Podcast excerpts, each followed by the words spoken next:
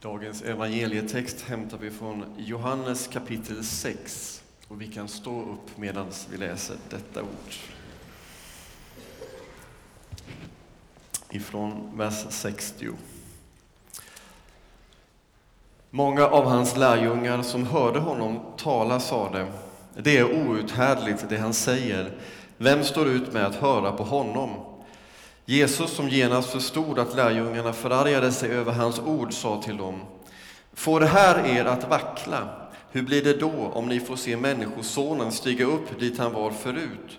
Det är anden som ger liv, köttet är till ingen hjälp. Det ord jag har talat till er är ande och liv, men det är några av er som inte tror. Jesus visste ju från början vilka som inte trodde och vem som skulle förråda honom, och han fortsatte. Det var därför jag sa till er att ingen kan komma till mig om han inte får det som gåva av Fadern. Då drog sig många av hans lärjungar tillbaka och ville inte längre följa honom. Jesus sa till de tolv, inte vill väl ni också gå er väg? Simon Petrus svarade, Herre, till vem skulle vi gå? Du har det eviga livets ord, och vi tror och vi förstår att du är Guds helige. Amen. Varsågoda och sitt.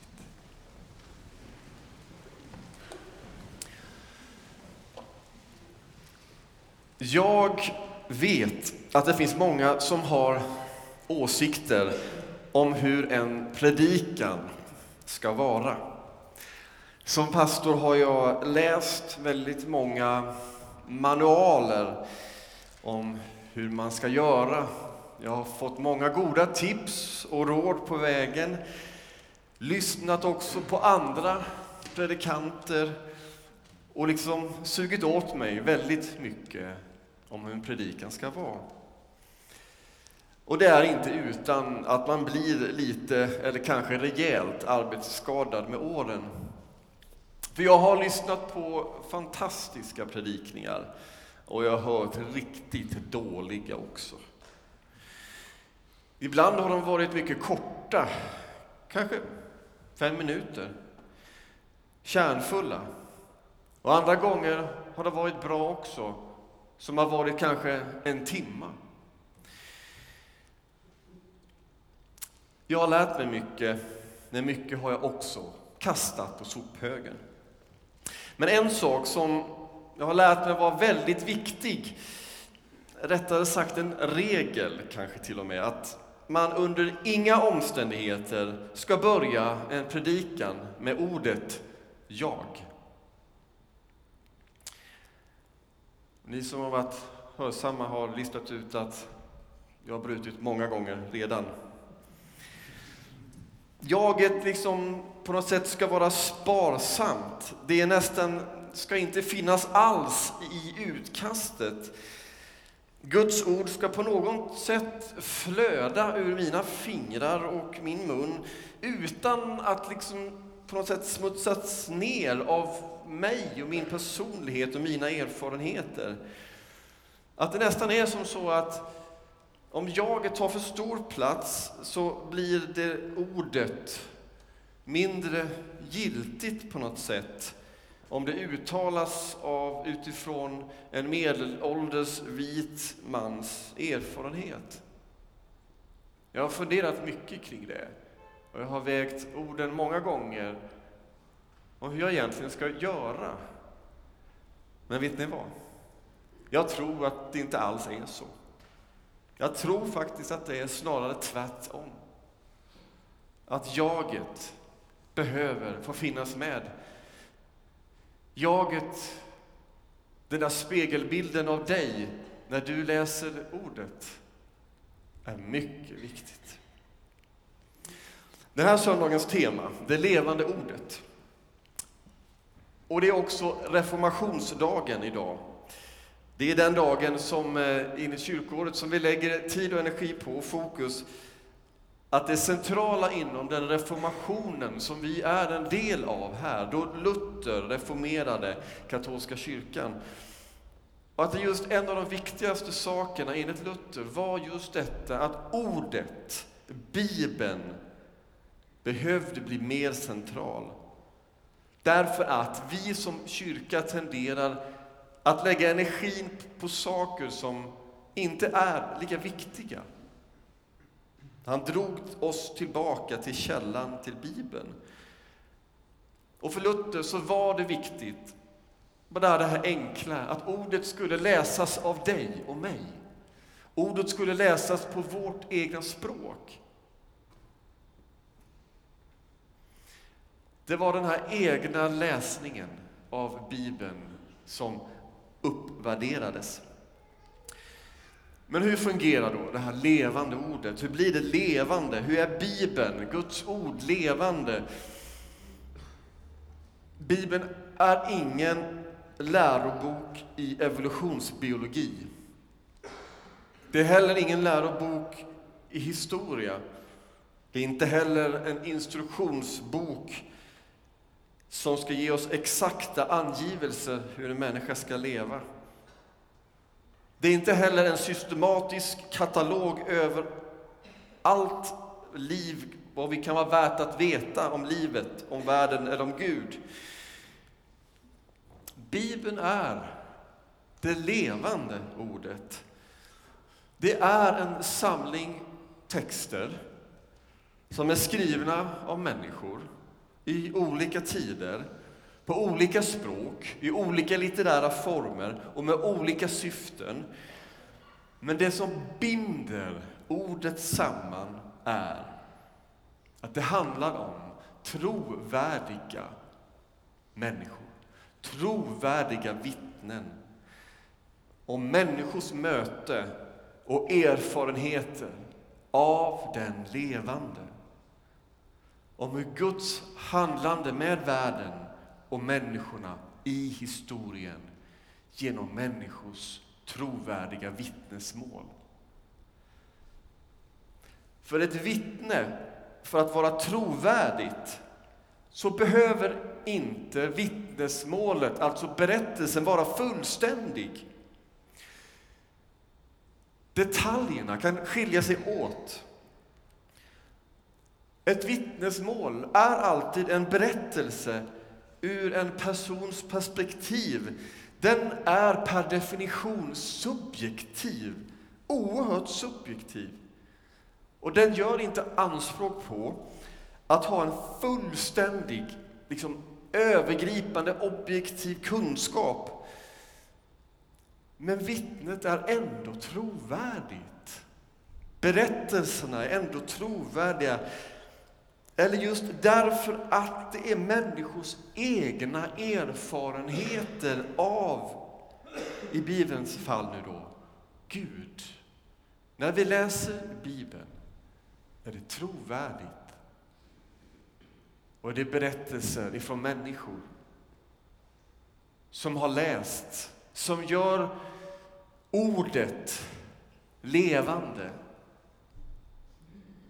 Och det är det som händer när jaget får läsa ordet som Luther ville. När du läser bibelordet. När du får leva dig in i en bibelberättelse. I ett möte mellan Jesus och den andre. Det är där det blir levande. När du kommer med ditt läsande. Det är inte enkelt att läsa. Det är komplext.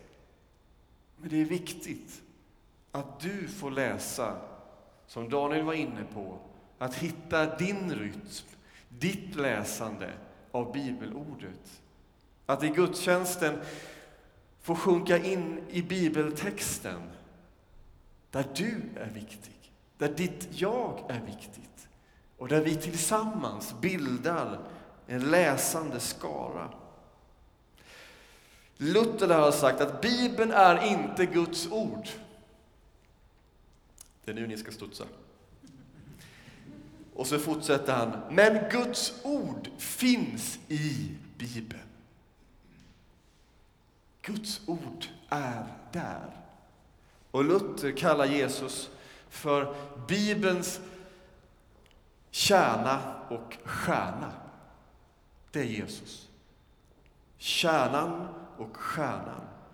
och menar att i varje bibeltext behöver vi liksom läsa i ljuset av Kristus att Gud blev människa för världens skull och att frälsningen inte är beroende av människors gärningar utan av nåden alena. Det är Jesus som är det levande ordet. Det är han som är löftet om liv och som fick liv och kropp. När vi i Johannesevangeliet i prologen läser att ordet blev kött och bodde bland oss. Att ordet bor hos jag och du. I Jesajas ord igen, vi läste det innan, där det står Är jag bara Gud på nära håll och inte Gud långt borta? Kan någon gömma sig så väl att jag inte ser honom? Uppfyller inte jag både himmel och jord? Att Gud känns ibland långt borta och ibland väldigt nära. Och ibland tänker vi oss att det är bäst liksom att Gud är nära, för det kanske gör att vi känner oss trygga och säkra, som vi ibland tänker oss att kristna människor ska känna sig. Men det är ju inte riktigt så enkelt. För Gud är ju nära, men han är samtidigt långt borta. Är det din och min känsla av vad Gud är, eller är det faktiskt så? Kan vi förstå tillvaron? Nej. Men det vi vet, det är att Guds kärlek bär genom allt, genom varje andetag. Så ja, Jeremia, Gud uppfyller både himmel och jord. Eller som Ylva Eggehorn uttrycker det, uttrycker det sig i en nyskriven psalm. Gud, du andas genom allt så att hela världen lever. Varje natt, varje dag, andetag för andetag.